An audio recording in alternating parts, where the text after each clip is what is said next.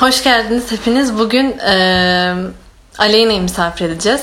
Kendisi Hollanda'da psikoloji okuyor. O biraz bize kendi deneyimlerinden bahsedecek. Biz de e, olduğu kadar en çok merak edilen soruları sormaya çalışacağız. Aynı zamanda eğer bir sorunuz varsa chat kısmına da bırakabilirsiniz. E, şimdi Aleyna'yı davet edelim. O anlatsın.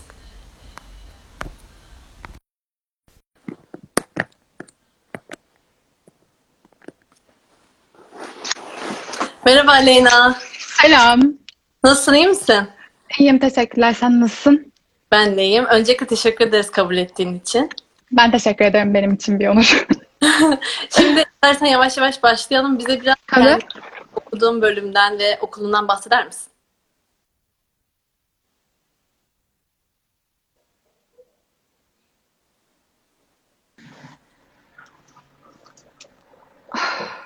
Şu an geliyor mu?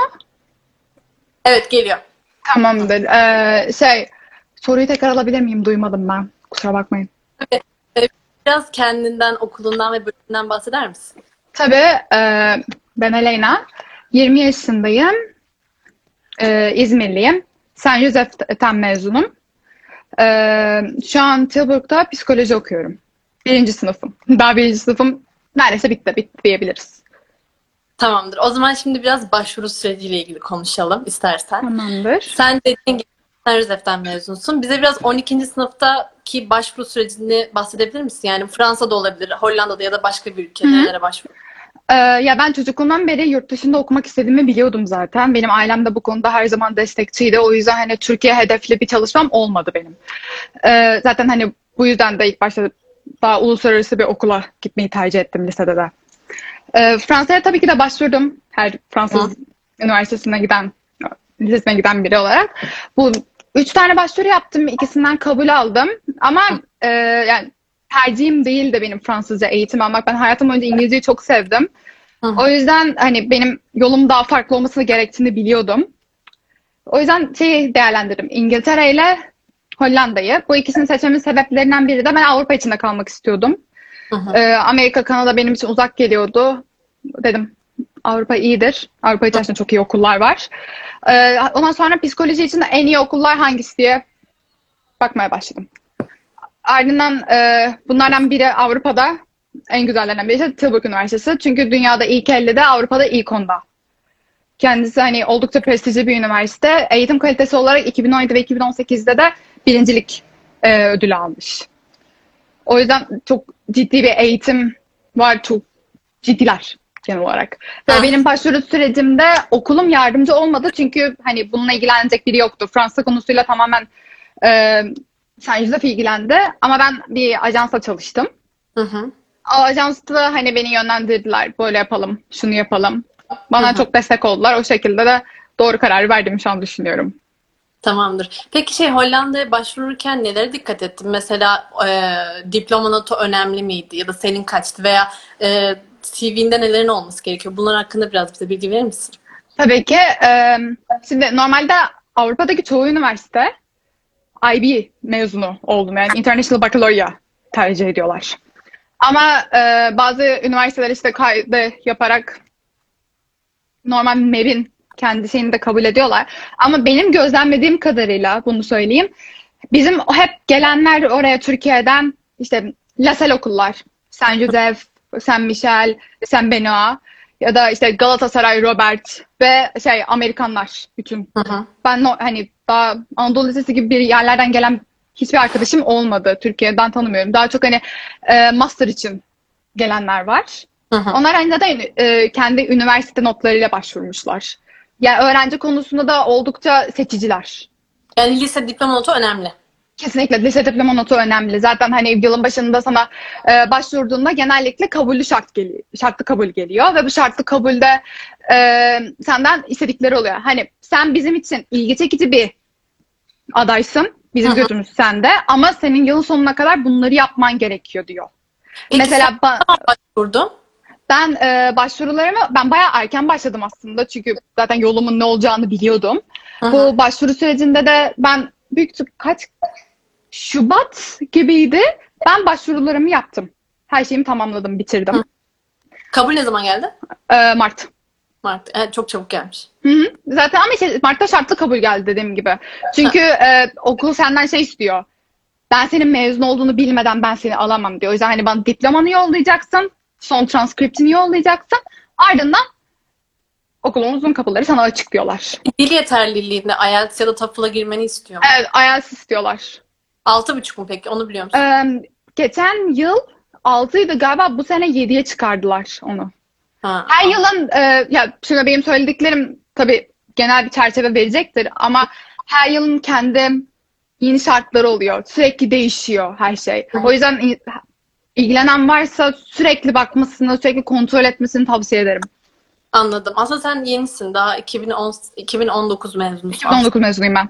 Peki şey, e, diploma notu dışında CV'nde olması gereken başka işte Kesinlikle CV, CV'ye çok dikkat ediyorlar. Özellikle hani mesela uluslararası bir şey, bir proje yaptın mı, bir şey katıldın mesela.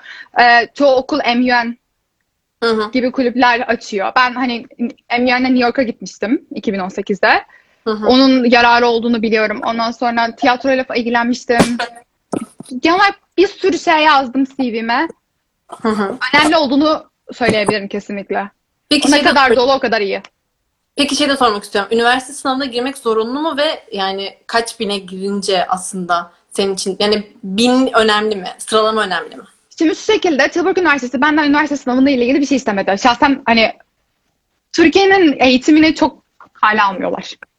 Ha yani sıralamayı Hayır, senin hani onunla değerlendirilebileceğini düşünmüyor okul.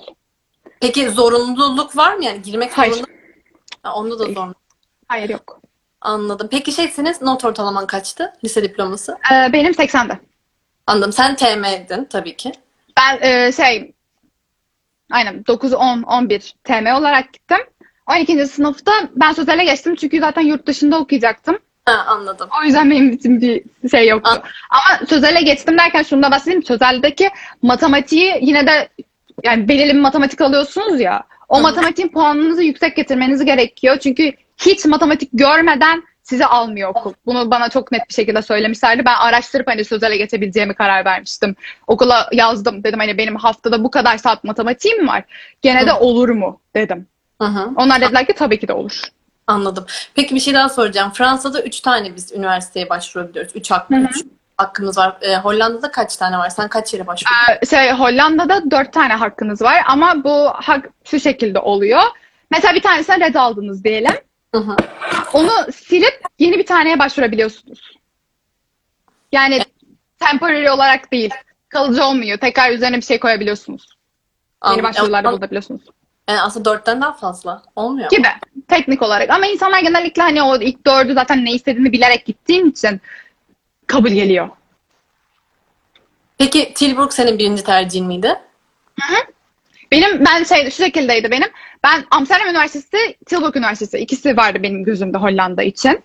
Amsterdam Üniversitesi ile konuştuk. Amsterdam Üniversitesi IB talep etti. Ee, Hı. benim okulumda yani St. Joseph Lisesi IB eğitimi vermiyor. Hı hı. O yüzden hani Amsterdam Üniversitesi dedi ki eğer illa bu okulu okumak istiyorsan bir yıl üniversite oku. Dedi Türkiye'de psikoloji kazan. Üniversiteni oku. Ve o birinci yıl sonundaki notlarınla tekrar bize başvur dedi. Anladım. Ee, peki bir şey soracağım bu arada. Tilburg Amsterdam'a yakın mı? Ee, evet şey trenle bir saat. Ha, trenle bir saat. Biz oldu. hafta sonları e, Amsterdam'a gidiyoruz. Orada işte müzeleri geziyoruz, yemeklerimizi yiyoruz, konserlerimize gidiyoruz. Sonra akşamleyin de eve dönüyoruz mesela direkt. Aa, güzel. Evet, çok çok güzel. Amsterdam'a göre daha sakin bir şehir mi peki? Evet, Tilburg kesinlikle bir öğrenci şehri. Aslında yani şu şekilde söyleyeyim. Tilburg Hollanda'nın en büyük altıncı büyük şehri. Ama bunu dediğime bakmayın. Konya kadar Hollanda'nın tamamı. Ufacık bir ülke. O yüzden e, küçük bir şehir ama ben çok seviyorum. Öyle söyleyeyim. Yemyeşil e, ve bir öğrenci için yeterli olacak her şeye sahip. Normalde hafta içleri çok sessiz ve sakindir. Çünkü zaten sadece üniversite öğrencilerinin genellikle yaşadığı bir şehir olduğundan ötürü. Hı hı. Yani üniversite öğrencileri o kadar değerli ki. Mesela bir işe başvuracaksınız. İşe başvurduğunuzda ilk size veriyorlar. Öğrenci misin? Direkt ona bakıyor. Anladım. Çünkü o halkı güçlendiren şey orada üniversite olmuş. Saygı Aha. duyuyorlar bayağı. Anladım. Peki şey de soracağım. Okulun sevmediğin özellikleri var mı ya da sevdiğin özellikleri? Hani böyle söyleyebilir misin? Benim okulumun sevmediğim bir özelliği. Çok sosyal bir okul değil. Yalan söylemeyeyim. Çok akademik. Ama genellikle hep Avrupa ülkeleri. Mesela kampüsü var mı? Onu merak ettim. Kampüsü Evet. İşin çok güzel kısmı çoğu e, ya biliyorsunuzdur büyük ihtimalle Avrupa'daki çoğu okulun e, kampüsü yok. Kampüs hayatı diye bir şey yok. Bina. Direkt şehrin içerisinde dağılmış birkaç tane güzel binası olur. Tilburg'un benim en çok etkilendiğim kısımlarından biriydi. Kocaman bir kampüsü var ve yemyeşil. Bir sürü bir Ee, ondan sonra tesisleri var içinde. Ayrıca hani Tilburg Üniversitesi bir ormanın içine kurulmuş konumda. O yüzden hani mesela ders aralarında çok bunalmış hissediyorsanız bir, bir yürüyüş yapayım, bir kahvemi alayım, ormana gidip yürüyeyim derseniz hani çok güzel zamanlar geçirebiliyorsunuz. Peki şey öğrenci işleri sana çok yardımcı oluyor mu? Hani Benim an öğrenci işleriyle ilgili hiçbir sıkıntım yani şey bir talebim olmadı onlardan. Herhangi bir yardım görme ihtiyacı duymadım. Hı. Ee, sadece e, şey okula başvurduğunuzda size 3 yıllık öğrenci vizesi çıkartılıyor. Hı. Bu öğrenci vizesi de hani şey, pasaporta olan bir şey değil. Zaten pasaporttaki vizenizin hani geçiyor gider gitmez oraya. Ee, bir tane kart veriyorlar size. Orada hem oturma izninizin olduğunu hem de okuduğunuza dair hani 3 yıllık bir vizeniz var. Anladım. O vizeyi onu almaya gittim o kadar. Zaten her şey çok sistematik ilerliyor. Anladım.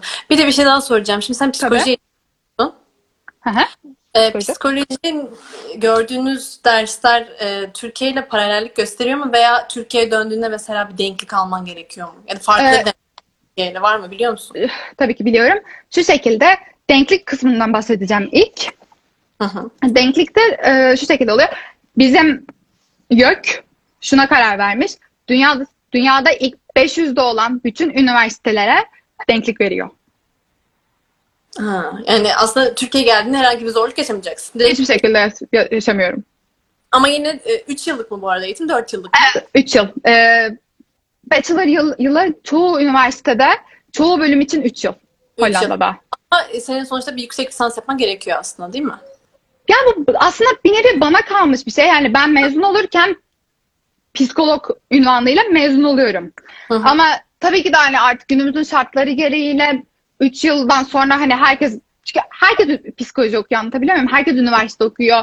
Bu artık sıradan bir şey haline geldi ne olursa olsun. Senin bir hayatta bir fark yaratabilmen için daha bir konu üzerine daha yüklenmen gerekiyor. Daha fazla şey bilmen gerekiyor. Fark yaratmak istiyorsan daha fazla okuyacaksın. Daha fazla bileceksin. O kesin. Hani o yüzden ben evet, master yapacağım sonuç olarak. Tamam, onu zaten master'a birazdan biraz daha değineceğim ama şeyi sormak istiyorum. Şimdi sen İngilizce eğitimiyorsun değil mi? Hı hı. Ee, IELTS var dedin ya da ta- IELTS Evet. 6 Ay- Evet. sonra 7'ye galiba çıkartılmış dedin. Öyle biliyorum şu anlık ama kesinlikle tekrar kontrol edilmesini tavsiye ederim. Tamam. Peki Flemenkçe biliyor musun? Ya da sosyal hayatta Flemenkçe bilmemek senin için zor oluyor mu? Ee, ben Flemenkçe bilmiyorum. Ben İngilizce biliyorum sadece. Ee, şu şekilde. Hol 10 Hollandalı'nın 9'u ana dili gibi İngilizce biliyor. Ha. O kadar çok- güzel bir hiç zorluk yaşamıyorum. Hani gidip direkt mesela e, yani İngilizce konuşmaya başladığımda karşı taraftaki ana dili İngilizceymişçesine sana cevap verebiliyor ve seni hiç zor duruma sokmuyor. Direkt konuşuyorlar. Anladım. İngilizce onlar için ikinci ana dil. Ve üniversite öğrencilerine çok alışıklar. Hı hı. O yüzden komünikasyon açısından hiç zorluk olmuyor ve sosyal hayatta bizim okul international bir okul, uluslararası. Dünyanın her yerinden gelen yüz, yüzlerce öğrenci var öyle söyleyeyim. Zaten bizim okulun şu an öğrenci sayısı galiba 15 bin, 16 bin tarzında bir şey. Ve e, bildiğim kadarıyla dörtte birinden fazla yabancı öğrenci var. Anladım. Şey, e, sen aslında IELTS'e girdiğini söyledin ama hazırlık o zaman kabul Hayır. edilmiyor. Hazırlık okuyamıyorsun üniversitede. Hazırlık yok. Hani şey diyor İngilizce bilen gelsin okula. Anladım. Onu talep ediyor. Peki bir şey daha soracağım. Şimdi Türkiye'de e, biz 4 üzerinden değerlendiriliyoruz her dönem. E, orada sistemi nasıl? Hollanda'da. Ee, bizim GPA zaten uluslararası bir kavram Hı hı. ve bu bizim de yıl sonunda bütün notlarımız dörde indirgeniyor. Ama Hı. yıl içerisinde bütün not sınavlarınız 10 üzerinden değerlendiriliyor. Ve bizim okulun şöyle bir şeyi var. Aslında bizim okulun bütün Hollanda'nın bir e, hükümet gereğince bir kuralı var. Yasa demek belki daha doğru olur. E, şu şekilde siz birinci yılda mesela 60 krediniz var. Totalde bütün dersleriniz 60 kredi ediyor diyelim. Bu derslerin 42 kredisine ulaşamazsanız Hollanda'da e, aynı bölümü okumanız yasaklanıyor. Yani hem okuldan atılıyorsunuz ve 4 yıl boyunca aynı bölüme bir daha Hollanda içerisindeki hiçbir üniversitede başvurmanıza izin verilmiyor. Peki bir yılda mı oluyor? Yani bir yılda Evet. Hı hı. Zaten birinci dönemin sonunda size bir BSA diye bir kavram geliyor. Bir mail gelecek size. O BSA'de e, okul seni yönlendiriyor. Hani bak bir yıl içerisinde ilk dönem 30 kredi, ikinci dönem 30 kredi şeklinde. Birinci dönemde 30 krediden ne kadar topladığını hesaplıyorlar. Ben birinci dönem bütün kredilerimi topladım. Full, full aldım. Hı O yüzden hiçbir sıkıntım olmadı. Hani okul hatta senin bir köşeye alıyor diyor hani. Bu birinci dönem mesela iyi yapmış. İkinci Hı. döneme rahatlıkla gidebilir, geçebilir. Hiçbir sıkıntı yok diyor. Her Anladım. şeyiniz çünkü izleniyor. Ve e, bizim ya çok ilginç hani normalde Türkiye'de geçiş puanı sınavlarda 50 alırsan sınav, sınavı geçmiş oluyorsun ya dersten kalmıyorsun mesela. Hı hı. Bizim e, sınavın %70'ini doğru yapman gerekiyor. Geçme puanının en düşüğünü alabilmek için. Yani neredeyse yüzlerinden 70'in altı altında kalıyor musun dersten? Evet. Peki alttan alma diye bir şey var mı? Yoksa böyle, gerçi tekrar edilmiyor dedin değil mi? Bir kere Ya aldın. hayır şu şekilde tekrar edilme gibi şu var işte. Mesela benim e, nasıl oluyor biliyor musunuz? 60 40 o- 42 18 kredi. 18 kredi benim 3 dersime denk geliyor. Hı hı. O 3 dersimi mesela 3 dersten kaldım diyelim okula devam etmeye izin ver, izin veriliyor. İkinci seneye geçebiliyorum. Ama o 3 tane kalan dersimi ikinci sınıf içerisinde vermek zorundayım. Anladım. 4 Anladım. tane bırakırsam okuldan atılıyorum. Anladım. Peki şimdi bir soru daha sorulmuş. Türkiye'ye döndükten sonra yüksek lisans yapmadan klinik psikolog ünvanı alınabiliyor mu? Normalde Türkiye'de psikoloji okuduktan sonra yani eğer psikolog ol- yani klinik psikoloji okumanız gerekiyor. Hani falan. Sen de peki yüksek lisans yapan Türkiye gibi. Şimdi şu şekilde bunu benim araştıracağım konulardan biri. Çünkü bunlar çok detay, çok hani gerçekten düzgün bilgi gerekiyor. Şunu biliyorum ki benim okulumda bu Avrupa'nın çok belirli e, üniversitelerinde var. Biz normalde bildiğim kadarıyla Türkiye'de dördüncü yılın, yılda hani mesela uzmanlığına karar veriyorsun. Mesela ben klinik psikoloji okuyacağım ya da çocuk gelişimi psikolojisi, Türkçesini bilmiyorum forenzik okuyacağım diyelim ya da nöropsikoloji. Ondan sonra gidip master'ını yapıyorsunuz ve o o zaman sahip oluyorsunuz master bitince. Ama ben okulumda şimdi bu yılın sonunda büyük ihtimalle iki haftaya benim bölüm karar vermem gerekiyor. Ben major'ımı seçeceğim. Yani hayatımın uzman- sonuna kadar ne? Evet, uzmanlığımı ben ikinci sınıfımda seçiyorum. İkinci Hı hı. sınıf ve üçüncü sınıfta da e, buna göre eğitim alacağım. Major ve minor buna deniyor. 12 tane e, ders seçeneğiniz var. O 12 dersten major olarak mesela clinical psychology, developmental psychology, neuropsychology ya da istatistik üzerine gidebilirsiniz. Dataların nasıl hesaplandığını. E, bir sürü program var ve Tilburg'un özelliklerinden biri bildiğim kadarıyla mesela developmental psychology dersini çocuklar üzerine genel olarak üniversiteler veriyor. Bizim okul ana rahmine düşen çocuktan ölene kadar ki bütün mesela hayatı inceletiyor sana. Anladım. Ve bunların hepsi hani bütün dünya tarafından bilindiği için hani mesela developmental psychology okuyup mezun olan biri için şey diyorlar hani mesela bu böyle yapmış. Anladım. Bunun böyle bir şey görmüş denebiliyor. Peki bir soru daha gelmiş. Aslında sen bunun örneğisin. IB değilse lisem çok zor olur yurt dışında okumam ama sen aslında IB yani senin lisen IB değildi ama sen kabul aldın. Evet, e, şöyle söyleyeyim. Şimdi benim çoğu arkadaşım IB mezunu oradaki. E, yalan söylemeyeyim. IB okuyunca daha kolay oluyormuş. Öyle Daha- söylüyorlar. Çünkü mesela ben IB okuyan öğrenciler ciddi biyoloji öğrenmiş olarak geliyorlar, istatistik öğrenmiş olarak geliyorlar. Ben lisede bunların hiçbirini görmedim. Hani ben istatistik falan hiç görmedim. Ben e, bütün arkadaşlarım yine bir bilgilerin üzerine bilgi katarken ben sıfırdan şu an istatistik öğreniyorum. Mesela sıfırdan biyoloji öğreniyorum. Anladım. Yani IB'ler daha kolay. IB, IB için bir ayrıcalık ama bilmiyorsanız bu bir engel değil. Çünkü zaten üniversite kabul eder- ederken demek ki yani bir bildiği var ki seni ediyor. IB'nin olmamasına rağmen. Ee, bir sıkıntı olmuyor. Ben bütün derslerimi verdim. Tamam. Ve ortalamam 10 üzerinden 7. Ve şu anda son sınavlarımla birlikte yükselecek. O yüzden yapabiliyor musunuz? Evet yapabiliyorsunuz. Korkmayın. Tamam. Bir şey soracağım. Ee, şimdi Türkiye'de KYK var biliyor musun bilmiyorum hı, ama biliyorum. evet öğrenciye para yardımı aslında ama bu bir kredi yani sen Hı hı. olduğunda devlete karşı borçlanıyorsun. Hollanda'da böyle bir sistem var mı yani size Var. yardım ediyor mu? Hı hı, var. Anladım. Hollanda bu sistem var mı? Bildiğim kadarıyla bu Avrupa Avrupa vatandaşları için daha geçerli Kolay. bir sistem. Ee, sen- o kadar. Hayır. Ben kullanmıyorum. Hani zaten bu can, atıcı, can acıtıcı bir gerçek. Diğer bütün Avrupa vatandaşı öğrencilerin hepsi yıllık 1000 euro öderken okumak için ben 8970 euro ödüyorum. Yıllık değil mi? Dönemlik değil. Evet, yıllık 8970 euro ödüyorum. Neredeyse 9000 euro. Ha. Yani sen tabii oradaki yerlere göre daha fazla ödüyor uluslararası öğrenciler. Yani evet onlar hayatları boyuncaki üniversitede hani 3000 euro ödeyecekken benim neredeyse 27 bin euroya geçiyor 3 yılım. Sen yardım almıyorsun herhangi bir para yardımı almıyorsun. Hayır almıyorum. Peki istesen alabilir misin yoksa zor mu? Kolay bir şey değil. Kolay bir proses değil. Zaten hani e, şey üniversite başvururken senin 3 yıllık bütün okul paranı banka hesabında görmek istiyor. Yani yaklaşık bir 60 bin euro tarzında bir şeyi senin bankana koydurtuyor. Hı. Ve hani şey diyor işte okuyabileceksen gel, yaşayabileceksen gel diyor. Anladım. Eğer hani bunu yapamayacaksan zaten hani o bankada o, o miktar parayı göremiyorsa Hı diyor ki yapacak bir şey yok hani. Ama eminim ki hani e, okullar burs vermek için bir sürü seçenek sunuyor. Hı hı.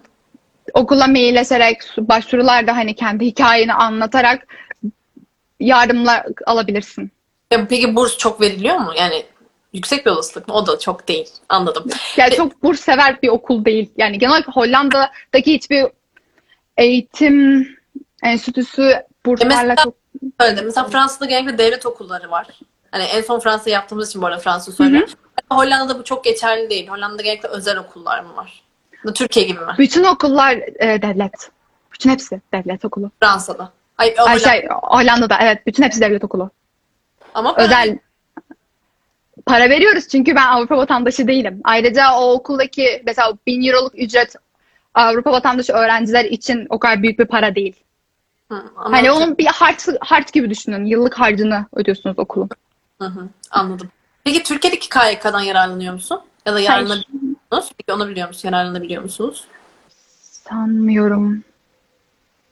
Ben çok bir şey bilmiyorum Hollanda konusunda. Sadece Fransa'da yararlanıyor biliyorlardı. Bence büyük ihtimal sen de yararlanabilirsin. Ama tabii Ben ona bakarım. Ya ne benim ne ben kendim böyle bir şey için başvurdum ne de herhangi bir arkadaşımın Türkiye'deki KYK'dan e, destek aldığını duydum. Tamam. Ee, peki şimdi sana şey sormak istiyorum ben. Ee, şimdi yurt dışındaki imkanlar sorulmuş aslında. İşte mezun olduktan sonra Hollanda'da mı kalmak istiyorsun? Ona birazdan geçeceğim. İlk önce neden Tilburg'u seçtin demiştim. Sen işte e, Amsterdam'ı seçmiştin. Bir de Tilburg'u seçmiştin. Sonra Hı hı. Tilburg galiba kabulün gelmişti. İlk onun için Tilburg'u seçtin ve çok mutlusun kadarıyla. Evet. Ve Amsterdam'a da çok yakın olduğunu söyledin. Bir saat mesafede galiba trenle. Evet.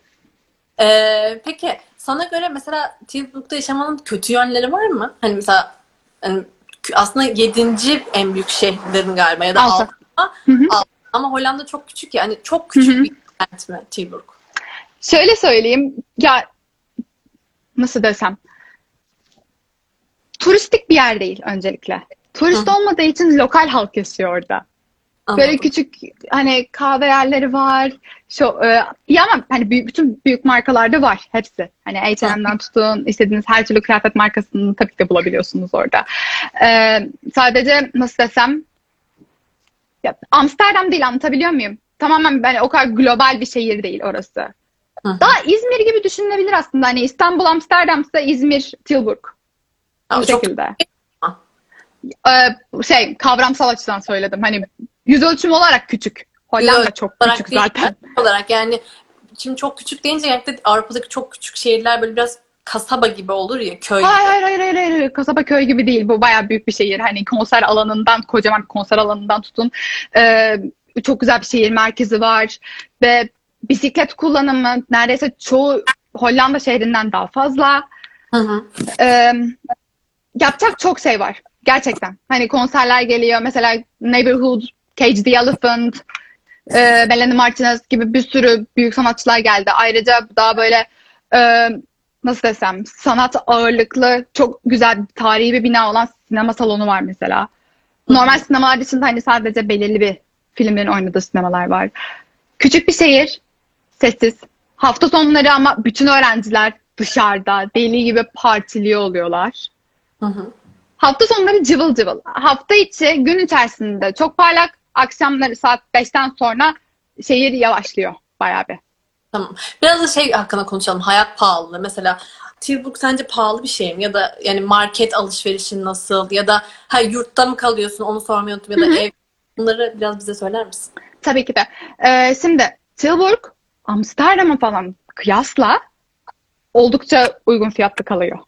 Ya mesela market fiyatları farklı mı Amsterdam'dakine göre? Hayır zaten şey hani bizde mesela Migros Mar- e, gibi bir sürü alışveriş yeri var ya orada e, en ünlülerinden biri Albertine diye bir marka. Albertine bütün Hollanda'nın her yerinde var ve hani her şey fix fiyatla her yerde satılıyor. Herkes tarafından bulunabiliyor. Öyle Peki. söyleyeyim. Diyorsun sen yoksa evde mi? Ee, şu, şu şekilde e, Tilburg'un en zor kısmı e, öğrencinin kalacak yer bulması. O yüzden hani eğer herhangi düşünen biri varsa e, öykü, ev bulmasını tavsiye ederim öncelikle. Yani kabul gelir gelmez evinizi tutun. Peki ev için bir kefil istiyorlar mı Hollandalı? Hayır, ya şimdi şu şekilde söyleyeyim. Talent Square ve Coben Campus adlı iki tane büyük tesisi var bizim okulun. Hı hı. Bizim okula bağlı değil de hani okul bir nevi yönlendiriyor hani bu iki tane kompleks var. Bunlardan tutabilirsiniz. Talent Square daha e, kalabalık öğrencilerin hepsinin beraber yaşadığı, herkesin kendi odası ve tuvaleti var ama mutfak ve yaşam alanı beraber kullanılıyor. E, o da şehir merkezine oldukça yakın. Okulun da tam ortasında kalıyor. Çok güzel bir yer. E, ama sadece bir yıl kalmana izin veriyor. Öne- bir yılın sonunda çıkmanız gerekiyor ve kendinize ev bulmanız lazım. Yani tekrardan sıfırdan hani bütün işkenceyi tekrar yaşıyorsunuz o ev bulma sitesinde. Ben Koben kampüste kalıyorum. Koben kampüs e, okuduğun sürece kalmana izin veren stüdyo ve apartmanlardan oluşan bir kompleks. Öğrencilerin yaşayabildiği. E, hani benim bütün hani benim kendi mutfağımda, tuvaletimde, odamda hepsi beraber aynı yerde. Kimseyle paylaşmıyorum ben. Ee, ama mesela arkadaşlar falan filan gelecek diyelim. Ortak bir alanımız var. Ortak alanda ayrıca mutfak var, langırt alanı var, e, basketbol sahası var, e, futbol oynayabiliyorsunuz, ve açık park alanı var. O da okulun hemen 3 dakika yakınında bir Hı hı. kompleks. Fiyat farkları tabii ki de var ikisinin. Talent Square'in yaklaşık hatırladığım kadarıyla 426 euro aylığı. Hı hı. Coben Campus'un ise 700 ile 1200 euro arasında sadece aylık e, kirası var. Peki ev kiraları ne kadar onu biliyor musun? Ev kiraları tabii ki de artıyor. Yani şu şekilde yapabilirsiniz. Mesela bir tane ev var. Evi öğrenci, evin odalarını öğrencilere kiralayabiliyorlar. Mesela evin odalarını öğrencinin kiralandığında da metrekare başına para alıyor, alıyorlar senden. Mesela benim bir arkadaşım vardı. Yaklaşık 35 metrekarede yaşıyor. 35 metrekare oldukça büyük bir ev metrekaresi e, Hollanda'da. E, o ama mutfağını ve tuvaletini paylaşıyordu herkese beraber. O yaklaşık o 700 euro veriyordu. Anladım. Yani aslında yani Amsterdam'a göre ucuz bir şehir. Kesinlikle Amsterdam'a göre ucuz bir şehir. Ayrıca ulaşım derdiniz pek yok. Çünkü bisikletle hani şehir engebeli değil, e, daha boş. Hı hı. Aslında ben de sana ulaşımı soracaktım. Sen şimdi okula yürüyerek gidebiliyorsun. Yani yakın değil mi? Hı hı, 10 dakikada yürüyebiliyorum okuluma. Ama şey peki çok var mı? Metro falan yoksa her yere bisikletle mi gidiyorsun? Ee, şey, Tilburg'da metro yok. Otobüs, e, şahsi araba ve e, bisiklet ve yürümek. Hani ama herkes bisiklet biniyor. Hani çocukları resmen doğurmuşlar, direkt bisikletin üzerine koymuşlar. Ondan sonra hayatlarını bisiklet üzerine geçiriyorlar. Öyle çok bir de yollar falan o kadar güzel ki bisikletle her yere 3-4 dakikada gidebiliyorsunuz çok yakın. Hani bisiklet hayatı çok pratikleştiriyor. Ekonomik açıdan da çok kolay. Bisikleti seviyorum. Tamam bir de bir şey daha sormak istiyorum. Hiç ırkçılığa uğradın mı ya da uğruyor mu? Yani çok fazla uluslararası öğrenci var dedin. İngilizceyi de çok iyi biliyor dedin genellikle Hollandalılar ama ırkçılığa uğradın mı? Hiç uğramadım. Sadece bir kere şöyle bir şey oldu. Ama bu bizim kocaman bir WhatsApp grubumuz var. B- Bütün birinci sınıf psikoloji öğrencilerinin olduğu. Yani or, işte o grupta bazen insanlar mimler paylaşıyorlar. Hı hı. Ve arada şeyi unutabiliyorlar hani biz orada uluslararası hep beraberiz. Bir kere hani genocide'la ilgili bir meme atıldı. Halen hafif ortam gerildi ama hani onun da şey değil hani sen bunu yaptın şundan dolayı böylesin falan şeklinde değil. O tamamen hani bütün ülkelerle ilgili gülmek için yapılan bir şeydi. Gülmedik o ayrı konu. Ama e, dediğim gibi olmuyor. Ben hiç karşılaşmadım. Herkes çok sevgi dolu. Herkes arkadaşçıl. Bir soru gelmiş. Genç yaşta aileden uzak yaşamak nasıl bir duygu? Özellikle yurt dışında yaşamak. Çok güzel bir soru. Şimdi şu şekilde hazır olmak gerekiyor. Ben dedim ki ben çocukluğumdan beri bunun hayalini kurdum. Ben bir nevi buna psikolojikman hazırım ki benim annem babamla ilişkim hani çok iyidir. Biz çok yakınızdır. Hani arkadaşızdır. Her şeyden öteler benim için hani mükemmel insanlar. Hı hı. Ve onlar ve ben tek çocuğum. Benim için ayrılmak hani kesinlikle kolay bir olay değil. Ne onlar için ne benim için. Hani kesinlikle ama şu şu bir gerçek. Ben bir bireyim ve benim bir hayatım var ve ben bir yerden sonra ne olursa olsun burada bu yolla tek başıma yürümek zorundayım. O yüzden belirli fedakarlıklar yapılmak zorunda kalınıyor. Kolay değil ama kesinlikle bu özlemi çekmeye değer. Peki Çok güzel şey şeyler yaşanıyor. Tilburg'da havalimanı var mı? Ee, Tilburg'da havalimanı yok çünkü Amsterdam ve Eindhoven iki şehrin arasında Tilburg. Eindhoven'a e, havalimanına yaklaşık 35 dakika 40 dakikada ulaşabiliyorsunuz trenle. E, ya da bir saatte Amsterdam havalimanına biniyorsunuz. Anladım. Yani sen Amsterdam'dan inip aslında devam mı ediyorsun Tilburg'a? Yani Amsterdam'dan iniyorum. Zaten Amsterdam havalimanı Schiphol'ün içerisinde direkt e, belki hani giden vardır. Trenler var. Hani direkt biletinizi alıyorsunuz. Treninize binip evinize bir saatte eve gidiyorsunuz zaten oradan sonra da. Ya da e, şey Eindhoven'a inersiniz yarım saatte eve gidersiniz Tilburg'a. Anladım. Şimdi ben aslında seninle biraz şey konuşmak istiyorum. Bu da çok sorulmuş yine artık da sonlara doğru yaklaş. Ee, mezun olduktan sonra ne yapmayı düşünüyorsun? Mesela Türkiye'de yurt dışı okuyanlar için iş imkanı açısından avantajlı mı? Hani bu konuda hakkında bir bilgin var mı? Şimdi şu şekilde ben e, Yüksek lisans ve iş imkanı. tabii söyleyeyim. Mesela ben major olarak klinik psikoloji seçeceğim. Minor olarak da developmental psychology seçeceğim. Klinik psikoloji Türkiye'deki bildiğimiz klinik psikoloji ama onu daha farklı bir sistemde göreceğim ben. Developmental psychology de minor olarak alacağım. Hani ben mesela mezun olurken normal psikolog değil de e, Developmental yani şey major ve minor'ın kombinesiyle beraber benim hazırladığım, kendi seçtiğim e, diplomamla mezun oluyorum. Yani master'a başvururken seçtiğim o e, major'ım, minor'ım master'ımda çok önemli bir yer ha- haline geliyor. Ve şu şekilde söyleyeyim. Mesela araştırırken ki ben de bunu hani yeni öğrendim mesela. Klinik psikolojiyi ben Hollanda oku, e, devam etmek istiyorsam Dutch öğrenmem gerekiyor ve yaklaşık e, C1 seviyesinde Ha, öğrenmem C1. lazım. Peki düşünüyor musun? Hayır. Çünkü e, şeyle konuştum. Bizim okulun e, dil merkeziyle. E, ve okul dedi ki iki yılda öğrenemezsin. Hani bu kadar ağır bir eğitimin içerisindeyken aynı anda hani C2 sevi C1, C2 seviyesine gelecek Dutch'ı öğrenemezsin dediler bana. Hani başka bir bölüm seçseydin belki hani evet öğrenebilirdin ama aynı anda götüremezsin dediler. Ben dedim ki hani ben bir de hani gerçekten hayatımı Dutch üzerine mi götürmek istiyorum diye düşündüm. Şu an master için ben İngiltere'yi düşünüyorum. Hı hı. Çünkü klinik psikoloji ve developmental psychology için beraber çok güzel master programları var İngiltere'de. Ama bu ben Dutch bilmediğim için ya da şu an o kadar kısa sürede öğrenemeyeceğimden ötürü. Çünkü e, Hollanda'nın sağlık e, sistemine benim kaydolmam gerekiyor. Kaydolmak için de belirli bir sınava girmem lazım. Onun için de Dutch bilmem gerekiyor. Olmuyor. Ben de İngilizce nerede okuyabilirim? Seçeneklerimi şu an değerlendiriyorum.